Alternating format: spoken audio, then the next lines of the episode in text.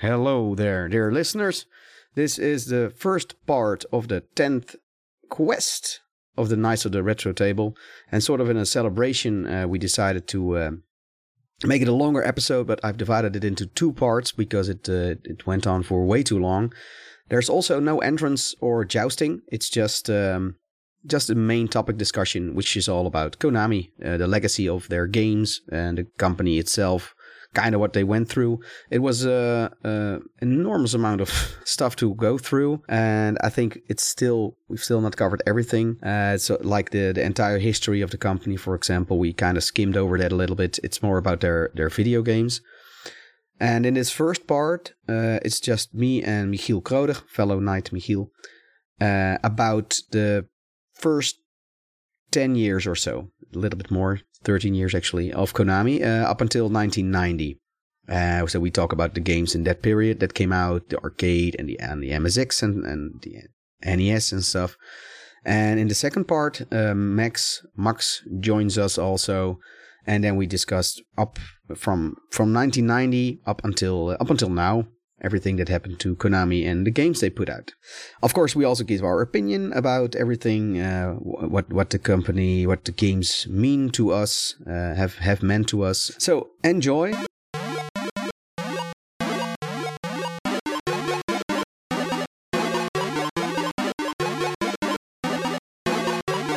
Yeah, so uh, the main topic is all about Konami in this 10th episode of the Knights of the Retro Table. And uh, Yeah. what did, what did we?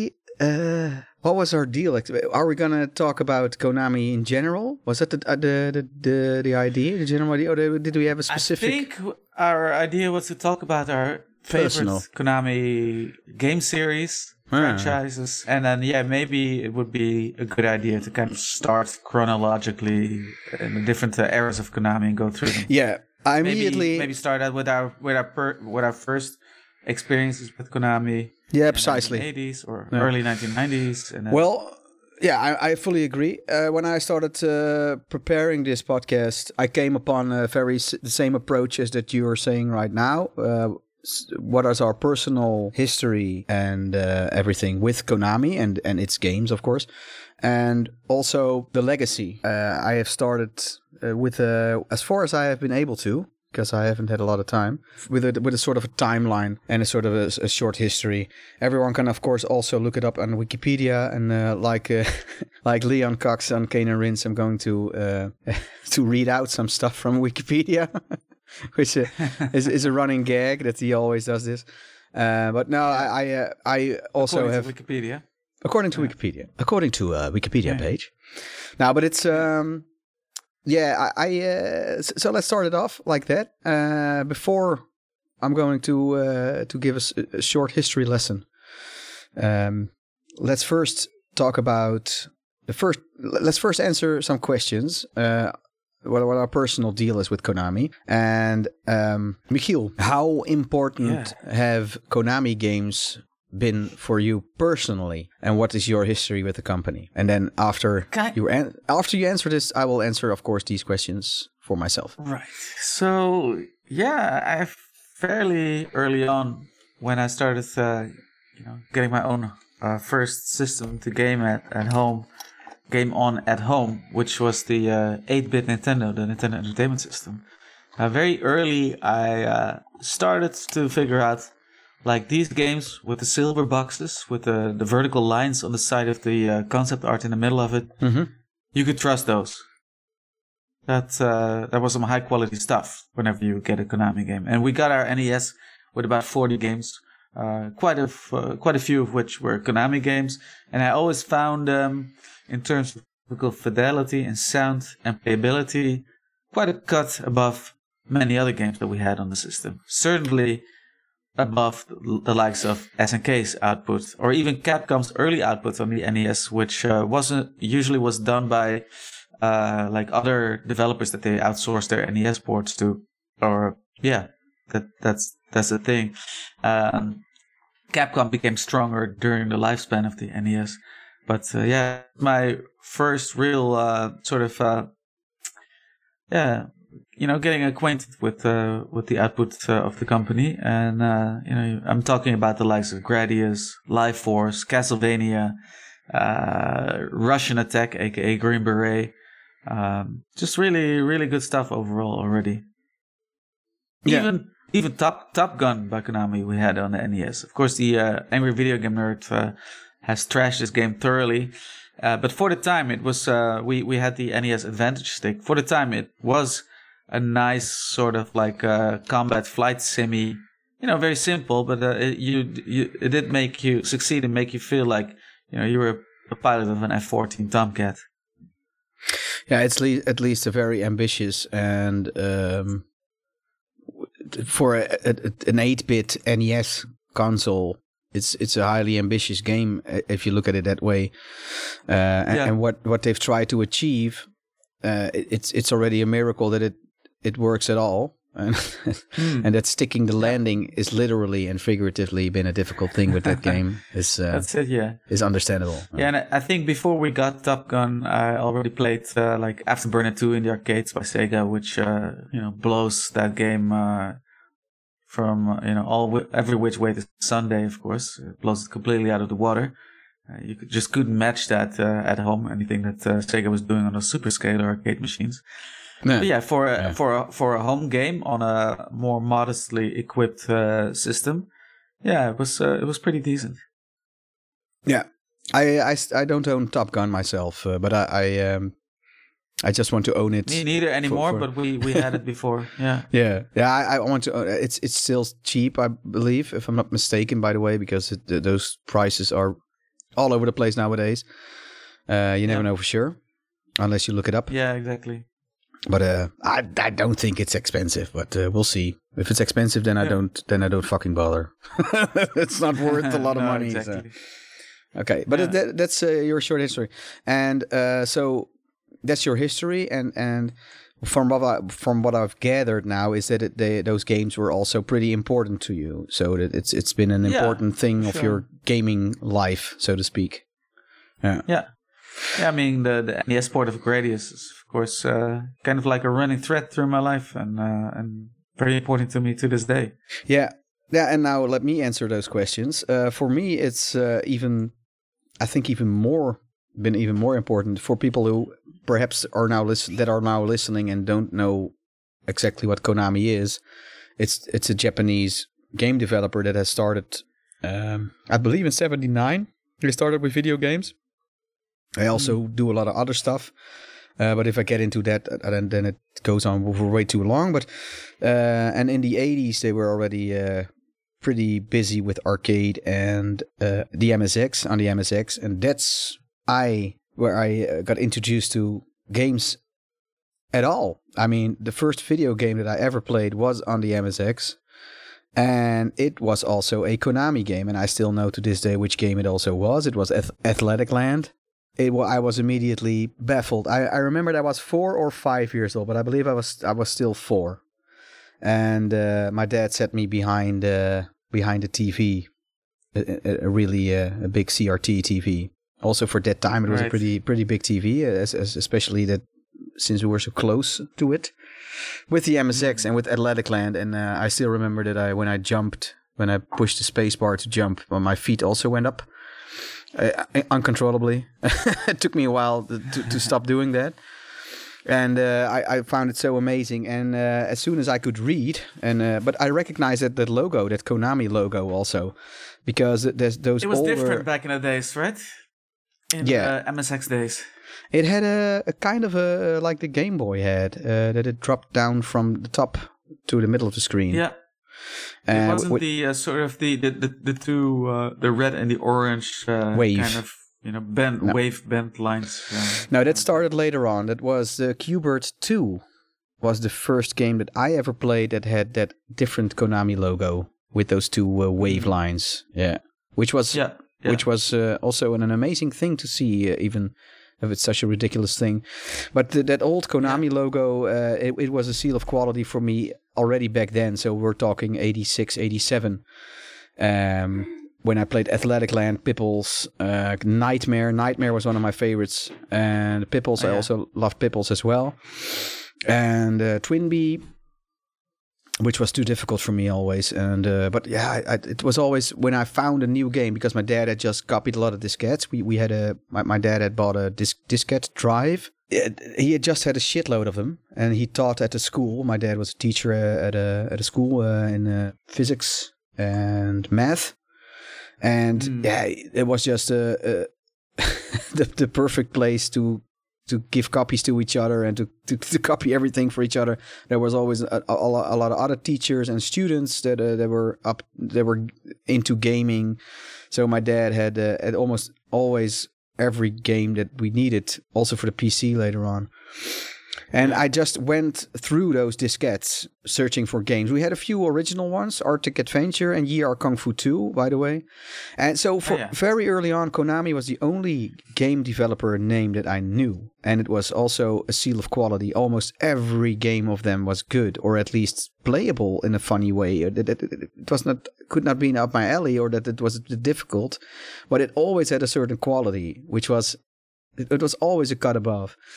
So yeah, and, and this continued on in, in the 90s, especially, of course, um, with all those famous IPs that came. Uh, but I was, through those very well-known IPs, I came uh, I came to those, all of those in the 90s, actually. So uh, Metal Gear, Castlevania, Yeah. there was all, all it was always a seal of quality for me. Uh, and we all know Yeah. I don't think we we all know that what the state of Konami is in now, but it's for another. Yeah. Uh, that's for later on. That's for uh, much later on when uh, where Max joins us. So Yeah. for me, it's it's been the- most important gaming company ever. Uh, it it it shaped me as a gamer. It it made me realize how how awesome games are. So it's it's still even though they have been sucking super hard in the last ten years. Uh, Yeah. I s- I don't say this. I don't get any enjoyment out of uh, bashing them. So I have No. always I've always been on the low with that. Other people uh, go on on extreme rants. Of course, I have my. Uh, They love it. They, they, they thrive on it. Yeah, and that's that's something I I never did with Konami because it hurts. It really hurts for me, and it's it's I get no enjoyment out of seeing how how hard Metal Gear Survive is a is a piece of shit. Uh, Yeah. and that, that kind of stuff. It just hurts me, and uh, it's Yeah. it, I get no enjoyment out of that. Uh, of course, I have my. There About are the some. only good thing they've done recently was those collections, of course, that they uh, outsourced them too. and uh, Getsu Fumaden. The, in Oh, yeah. 2022, they made a sequel to a 1987 game. Getsu Fumaden Undying Moon is its sequel. That's it's been a Switch, and I've been playing that a lot. And some people say it's it sucks, and I think that you you're an extremely nitpicking bitch. It's it can it, it can very much Whoa. be. it cannot be up. It, it, it could be not up your alley that you say, well, I don't like these kinds of games because it's a roguelike game, and I have. It's always difficult to get into a roguelike game, and it rips mm. off Dead Cells almost beat for beat. Only it, it looks different Yeah. and it and it feels uh, the, the the atmosphere and everything is different, which I don't think is that much of an issue because it plays wonderfully. The art style is absolutely amazing, Yeah. and I get a lot of that for later because we're kind Yeah, of uh, precisely. But that's one of the yeah. way ahead. Yeah, I'm going to cut the, this. Uh, I'm going to cut this, I think, or I'll put it in later on. So yeah, and uh, so that's it's. I think it's pretty clear. I've also written a very large article once uh, because the Konami PR of the Netherlands was located very near where I lived, and Mm. the woman that led the PR back then was a very nice lady, and. Oh. I came over to there and she showed me some games that they were making and everything, and they, they, they was going they were going to be released soon. And I, re- I so I wrote uh, of my own volition for the gaming website. I wrote an article about how important Konami was for me personally, and I think for the gaming industry. And that's the coming up. And she thanked me also. Uh, yeah, it was it, was a lovely time also with uh, that Konami PR, and then she left, and then. Uh, yeah, that was uh, that was not that was not so uh, that, then it was also done with Konami around that same time. That that's not a, entirely a coincidence, I think. So then we go to my next question: What do we think that Konami's significance has been in the gaming industry? I have already been answering that question now with with my story. I think it's pretty big. I don't. I think that people are now forgetting, starting to forget how how large and how magnificent that Konami's games were, because yeah. they haven't been putting almost any stuff out lately. So uh, I think it's uh, if you the average gamer of about 20 or 25 years old, I think that they only know Konami from some stuff perhaps, but I don't yeah. I think they gen- in generally think that that it's just a sucky company, unfortunately. Yeah. Um, well, they're kind of a cornerstone of um, of Japanese game development for sure. Um, I used to, you know, if, if you like on their level, I mean, you said like Konami is the most important company for you. I think I'd give that to Nintendo just for the significance that uh, they've had for me. But uh, you know, Konami is closely behind, and then you often get people debating whether Capcom is better or Konami, and whereas Capcom has made one game that might be one of my most important games of all time. Just as a whole, uh, if you look at the quality titles that both uh, studios have put out, uh, certainly during the 80s and the 90s, I'd give just for overall quantity of uh, amazing games, I'd give it to Konami between the two. Yeah.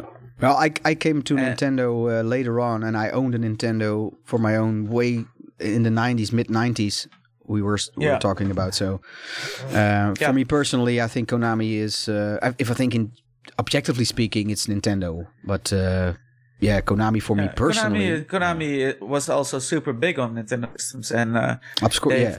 they, they've they've contributed so much to especially the NES and the Super Nintendo, and even uh, we're making a, f- and you know, as one of the few more prominent Japanese developers who are actually uh, making games for the N64 as well, which is interesting.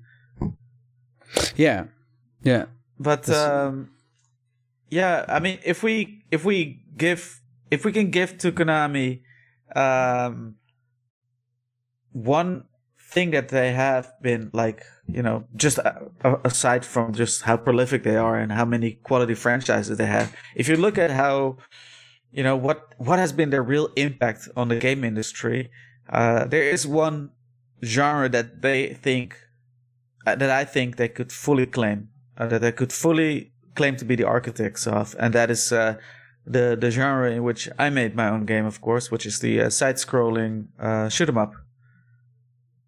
If you look at uh, mm-hmm. Scramble, which is kind of like a blueprint for the genre, and then you know Gradius, the later uh, evolution of that, that's pretty much Konami, and everybody follows what they did with that. Yeah, yeah, and they made a lot of those uh, also, but that they never been uh, like that Knightmare, for example, that yeah. I spoke about with MSX. That's also basically just a shmup uh, only yeah. play with some kind but of a, Viking. A vertically, scro- a vertically scrolling. Yeah, a vertically scrolling one. Yeah. Yeah, you could say like N- Namco was more of an architect uh, in that area, but the, the side scrollers, yeah, I mean, they pretty much uh, are the reason behind that genre existing and becoming as big throughout uh, the 80s yeah. and uh, the earlier half of the 90s as it did. Yeah, and I think we can later on answer this question again when we went when we went through all of our favorites and everything. We can answer the what we think the significance is. But I think that after we have been naming everything, I think that this question's answer is pretty clear uh, mm. for everyone. So let yeah. me run through the history of Konami. Uh, I don't want to get into the why, how the company was started, uh, and blah blah blah. You can read it up on Wikipedia and, and, stuff, and it's it's yeah, it's just Japanese businessmen starting a company. That's basically, in general, what it is. And they started uh, with their first game in 1977, by the way, uh, and it was in the arcades and it's it's Blockyard. That was their first game. I've never played Blockyard, by the way. Um, and then they've made a, a lot of other stuff with blocks in the 1978. And then we get to 1979, and it's also not not, not all that special spaceship, Space King, Astro Invader, Car Chase, all that. Now, I think you can kind of get the idea what kind of games that those were. It, most of mostly clones, Space Invaders clones. So mm. Humble yeah, yeah. beginnings, humble beginnings by ripping off other stuff. And in 1980 and 1981, of 1980, they released just one game on the arcade, or at least that's what Wikipedia says. Perhaps some games are lost. And then we get to 1981.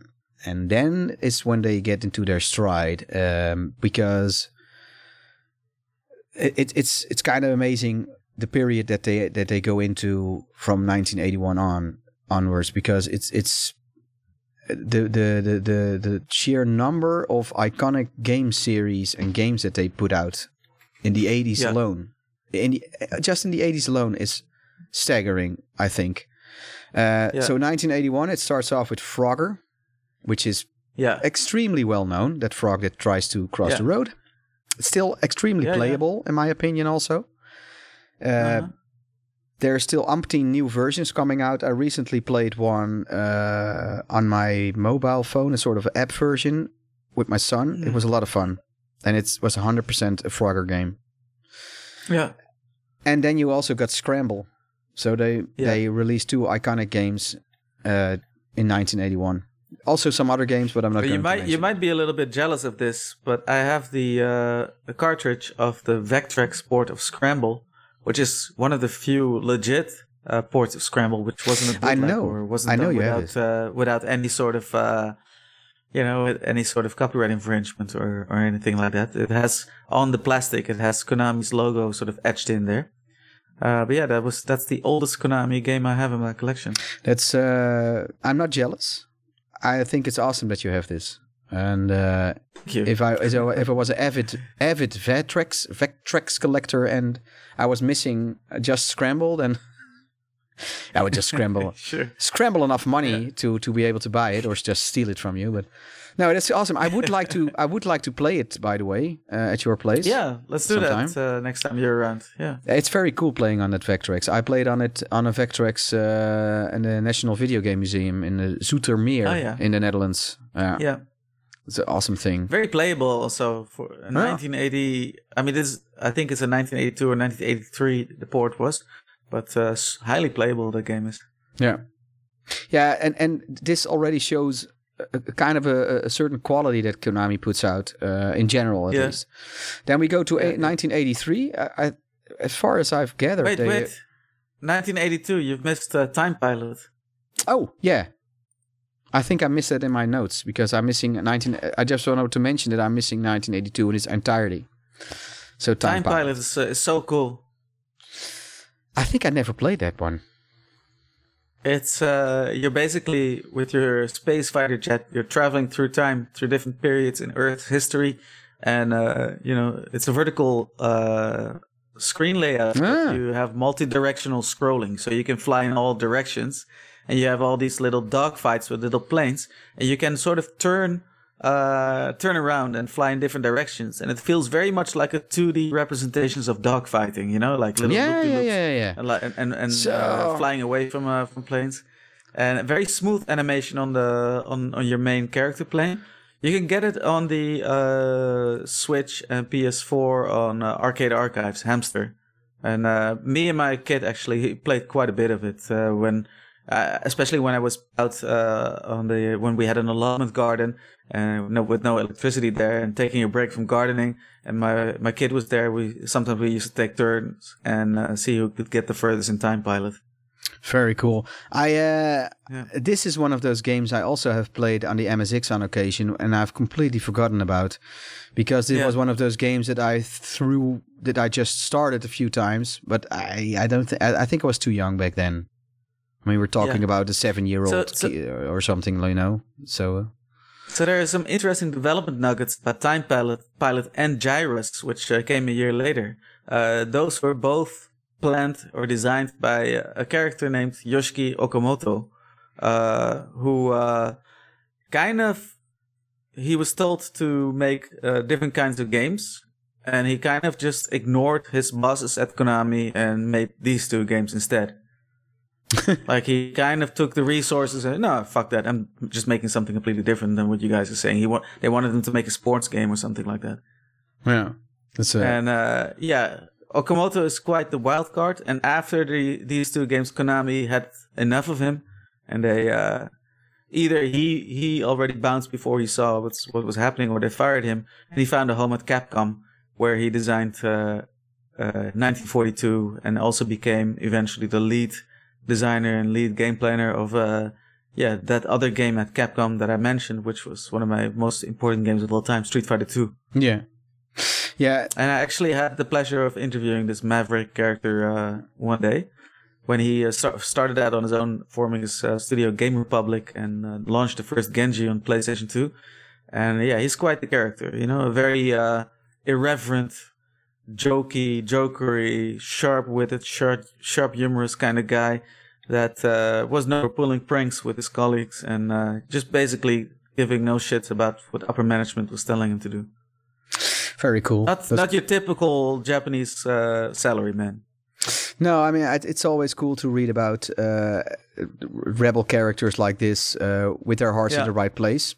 I mean, there's Yeah, also these kinds of characters that, but they do all kinds of shit.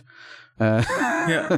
but uh, yeah, and, and uh, Game Republic has also made Knight's Contract, one of the few games that they made, which uh, which is a very and folklore and Majin and a, and a Forsaken Kingdom. Kingdom or Yeah, yeah, those Yeah, are very hidden gems. I've always been uh, heralding those games, and now I know why I've been doing this.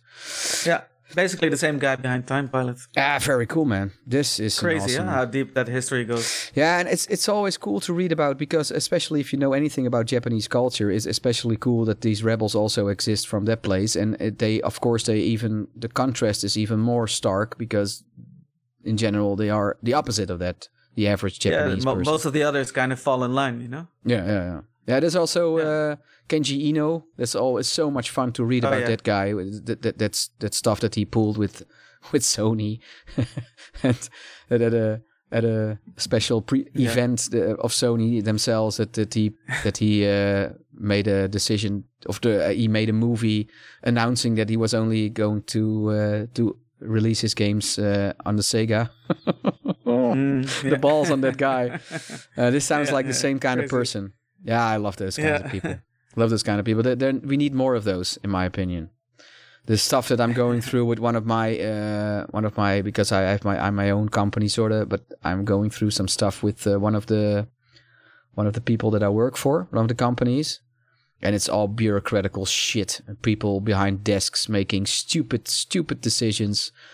It's ridiculous, and it makes me want to rebel even like this. But I, yeah. but it's a story for Yeah. another time. And yeah, it is of course Time Pilot, and so I've played that game, but I've forgotten about it on the MSX because I've just Yeah. no- now been looking at the gameplay footage, and I'm 100 percent sure that I played this. Um, the old logo came from the bottom to the top. I uh, remember now, so it was reversed uh, on Mm. Game Boy, just for people who care. Yeah. And then we go to so this is already a kind of uh, an amazing start, I think. And then in 1983, there's Gyruss, what you've been saying, Yeah. track and track and field, the first of many, and very Qbert. important game as well. Yeah, yeah, yeah, espe- yes, yeah. And then there's Qbert, say? Yeah. Qbert is not a Konami game, but maybe they uh, published it in Japan. Yeah, yeah. I, it- it's. I wanted to mention this because uh, they published it, and I think, I think that they did make uh, themselves Qbert two or something because there was.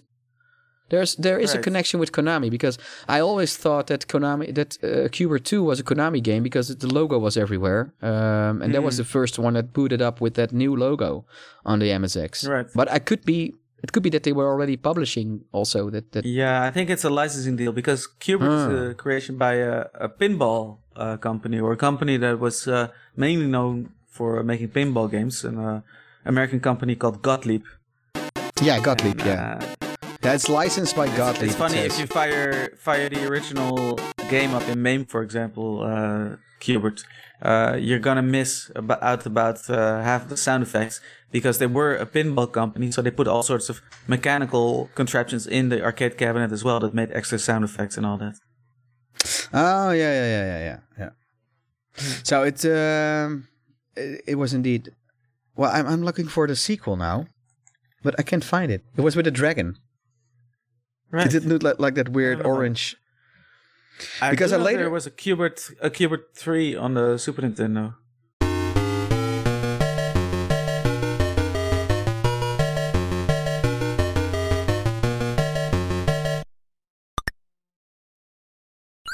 I think I have it here. So it's just called Qbert, but it's hmm. entirely different on the MSX. It's with a dragon, a, a, a very cutesy Kirby. It's, it's like Kirby with a dragon tail, and with uh, with Wow. um, you know with um, some some It horny. is Uh, strange. have you have you found it, or else I sent you a No. link? Yeah, it's just called Qbert. Also, I'll send you a link. Yeah. I, I, I played it. was kind of a puzzly game because you had the blocks in the right order and everything, It's just like the original Qbert does. I, th- I believe it's it's it's all different color. I played a little bit of the original Qbert, but I played this one so many times that I can't remember properly how the original Qbert plays in comparison Mm. to this one. Oh, I played this so many times.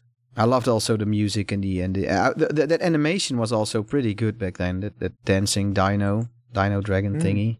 Yeah, it uh, looks uh, completely different from Yeah, yeah. This is the version. This is the version I know. yeah. Yeah.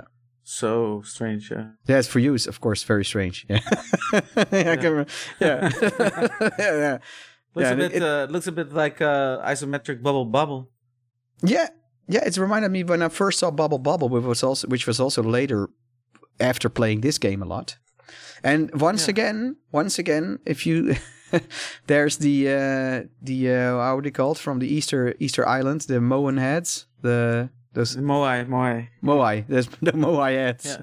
the, the, the, the infamous uh, running gag at the Konami games uh, with Konami yeah. games. It's also in Qbert, ladies and gentlemen. Wow. That is crazy. that just blew, that's, that just blew my mind. I didn't know anything about that. yeah, that's nice. That's nice that I'm able to still have, with all that knowledge that you have. Well, let, let's let's run through it a little bit more quickly now. So we're just gonna Yeah. cover the 90, the, the 80s up until the, the, the early perhaps 80, 91 or something, and then we'll pick it up Yeah. with with uh, Max uh, from the 90s onwards because we're this recording Yeah. that we're making right now is is without Max.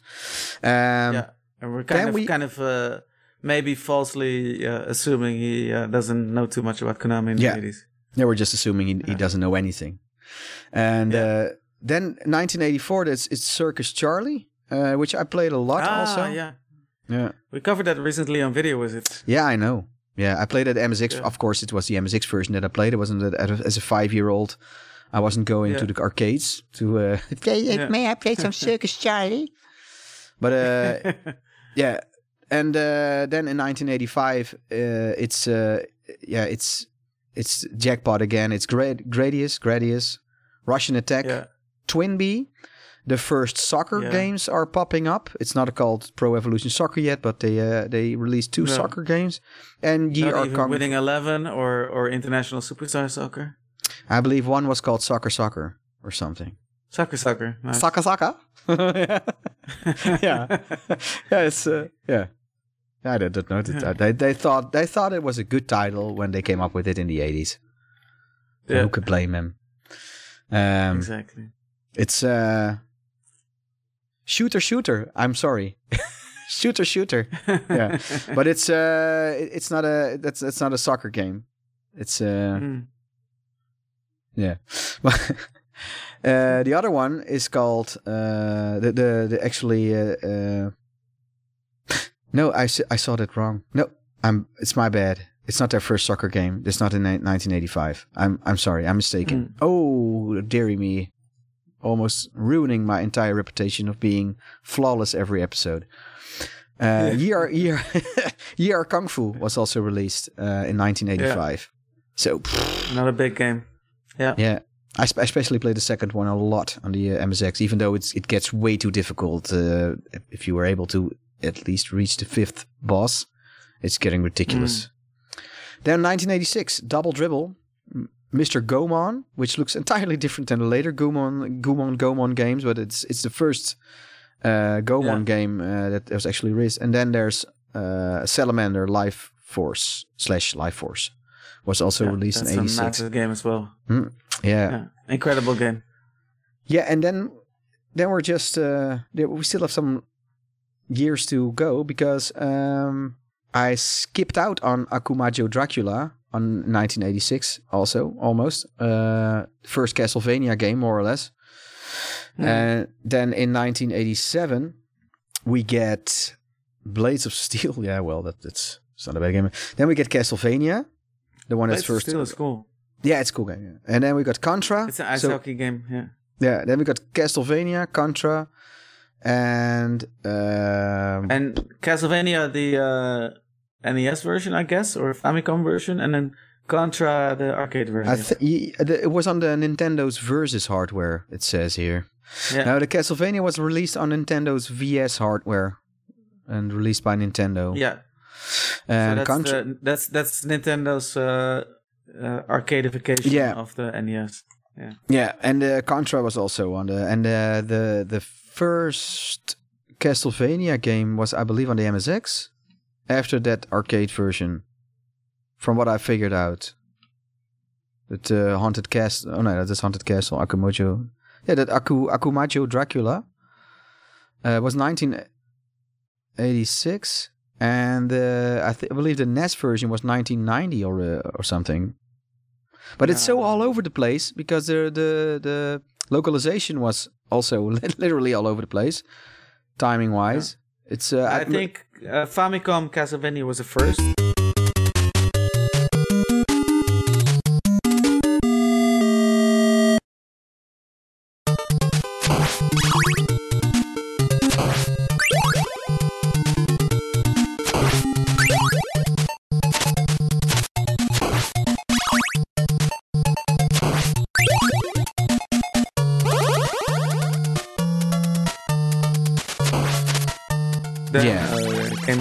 The and then Akumajo Dracula or Haunted Castle came a little bit later. Also, there was just uh, yeah, I, I think you're right. I think you're right about that. Yeah. Let me just check. yeah, when- released uh, at different times in different territories. Yeah, it's 1986. Hard to keep track of.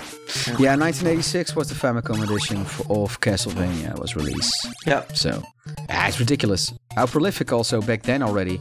To Gradius, Yeah. Salamander, Goemon, Double Dribble, and and then also release a little platforming game called Castlevania. Um, it's it's it's Yeah. ridiculous.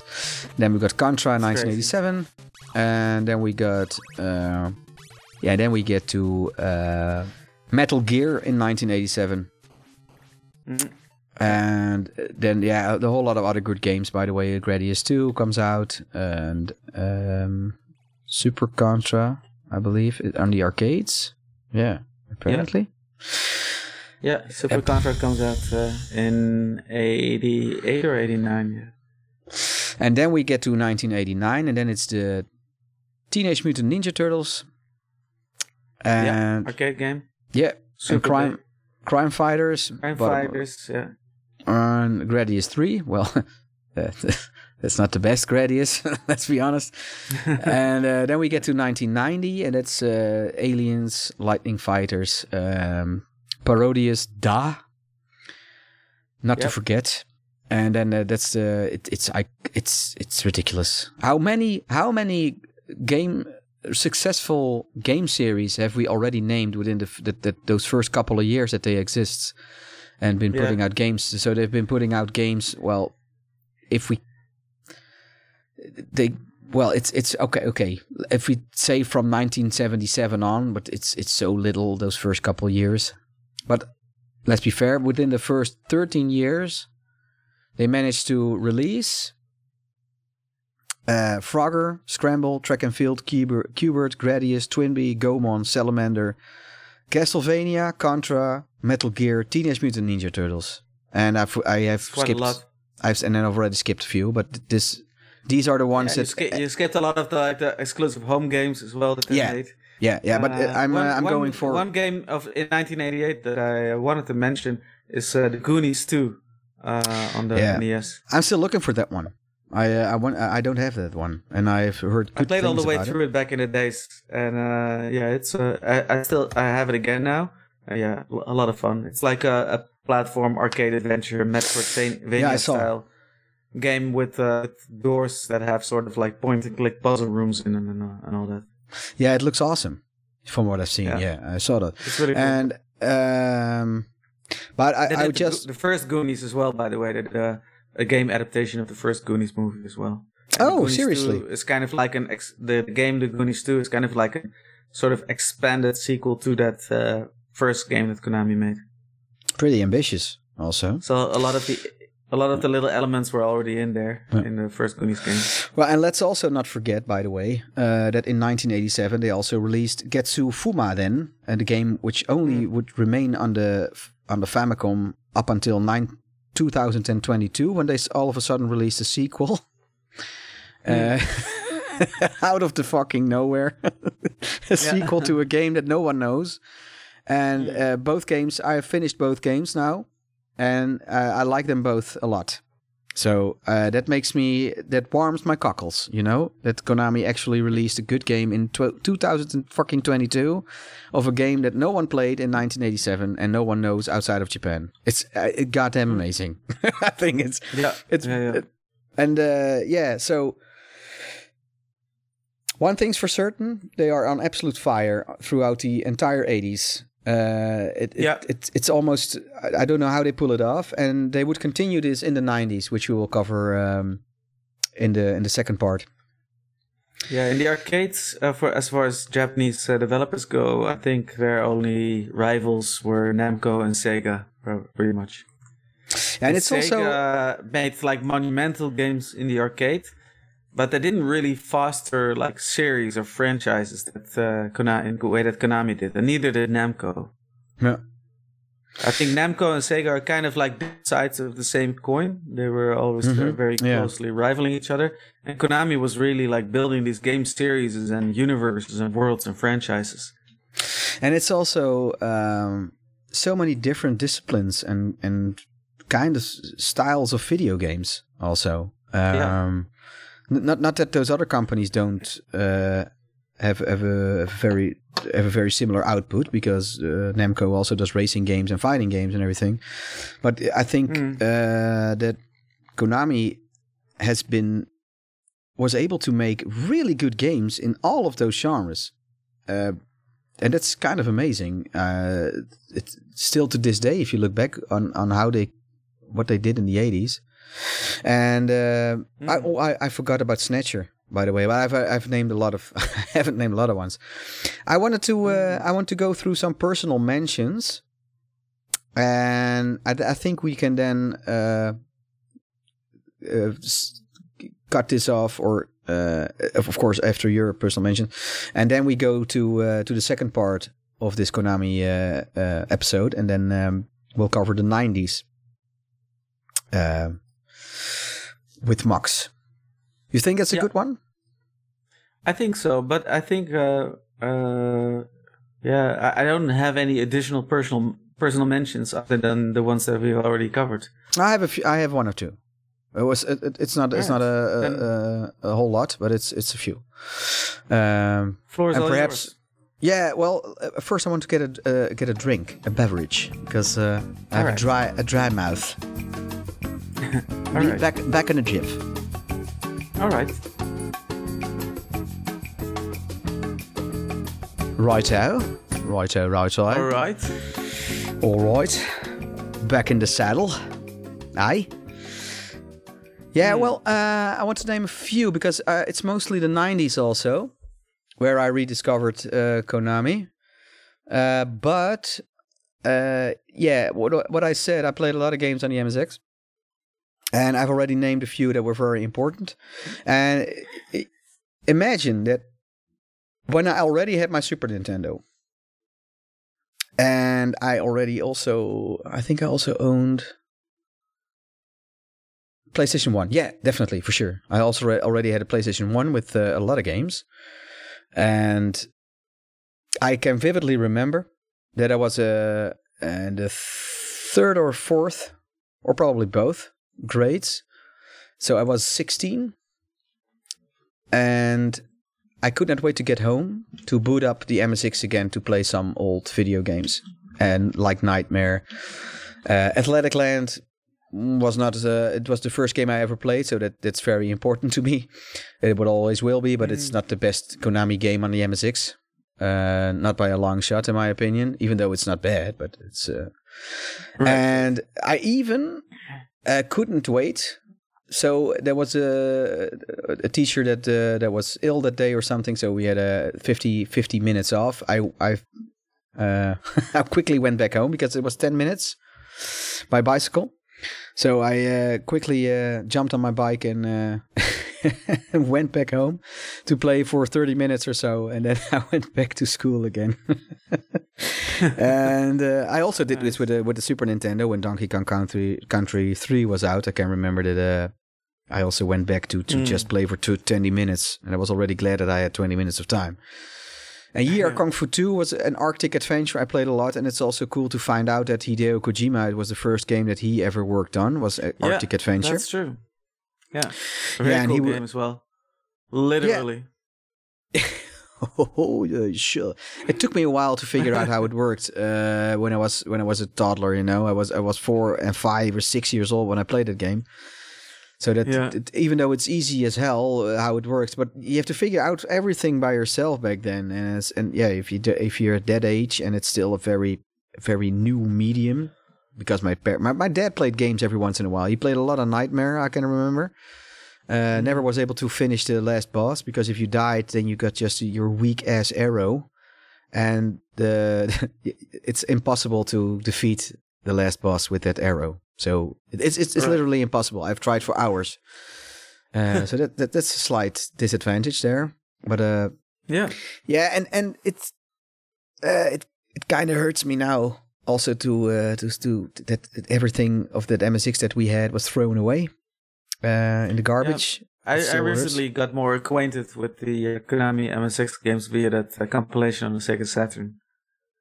Yeah, was that- That seriously almost brought tears to my eyes when I played that. When I bought that a couple years ago, and I played it Mm. with my son when he was four. Right. Uh, so that's been four years ago, and it's not that I was crying, uh, but it was it really emotional for me because it was uh, it- that's my youth. Those games up until I was ten, I played also some PC games, but I I, I played by far the most on the MSX, and also by far the most games I played were, were MSX or were Konami games. So when I found out about that antiques uh, Konami antiques collection uh, uh, on the on the Saturn, I I bought it as soon as I could find a copy, and uh, Mm. yeah, it's it's it got it got all it has almost every game that I played on there. Yeah, save for I believe that Qbert isn't on there, uh, which I would really like to play uh, again, and. Uh, some later ones are missing also. Very weird. There are some very pretty Circus games. Charlie's also not on there. Yeah. Yeah, that's also I think the, the, the the issue is that uh, it's just MSX one games on there. Yeah, I mainly played- two. So you get all the you get all the simpler games on that uh, compilation. I'm still not sure to this day if we had a MSX2. I think we did, but I for 90% of the time I played those MSX1 games on it. Yeah. Wow. So I would have loved to see, for example, Space Manbow on there, but uh, it sadly isn't. That's also an MSX2 game. Yeah, there's also the Treasures of Ucha or something. Uh, that's a class of uh, uh, of all people uh, Uchas. Ah, how you speak it?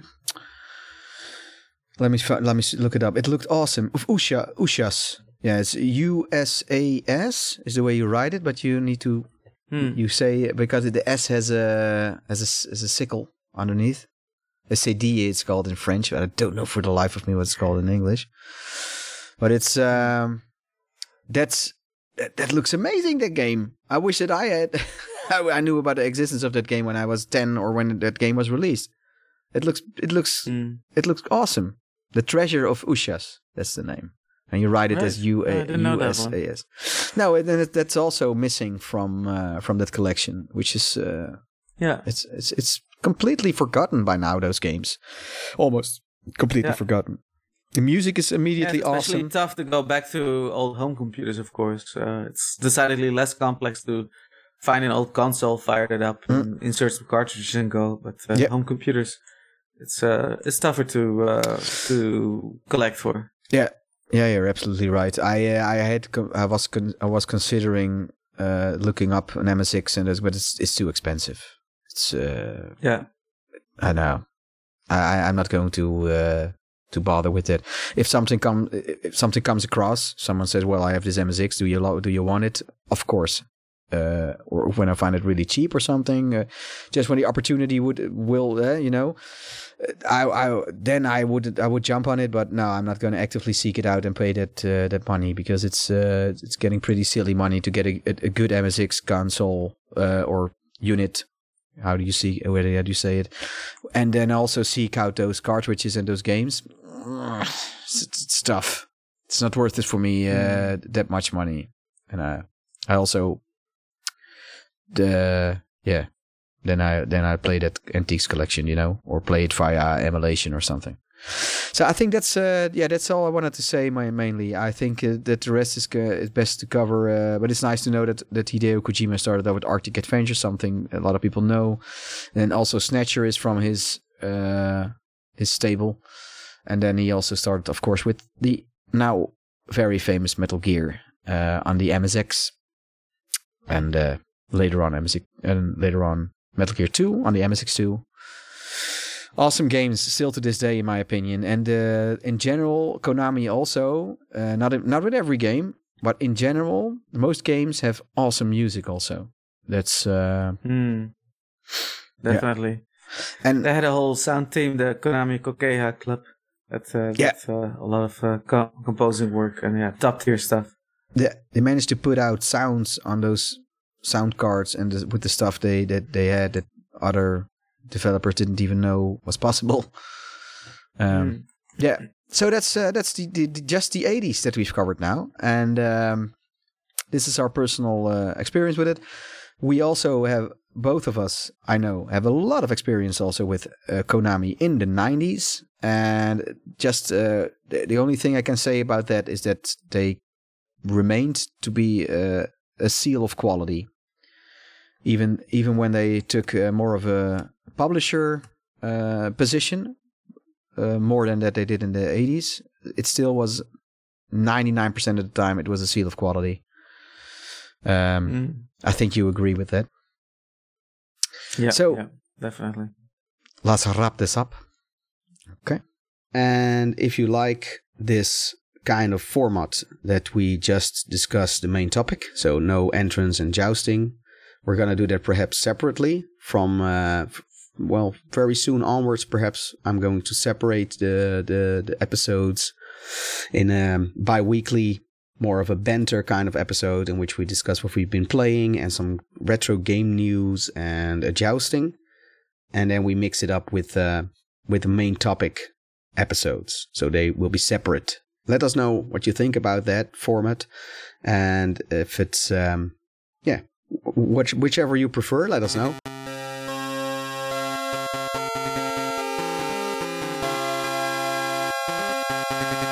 Yeah, yeah, yeah. but now I'm I'm being tortured for not. There must be a Q*bert two because I know at least of Q*bert three existing on the. Yeah, yeah. I mean, I'm I'm not I'm not dreaming this up because I played the shit out of that that that that Q*bert two, and also like I like that dragon that dragony kind of creature a lot.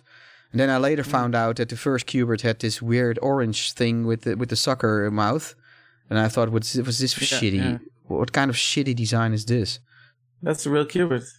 Uh, he, he curses a lot. Gets very upset. Yeah.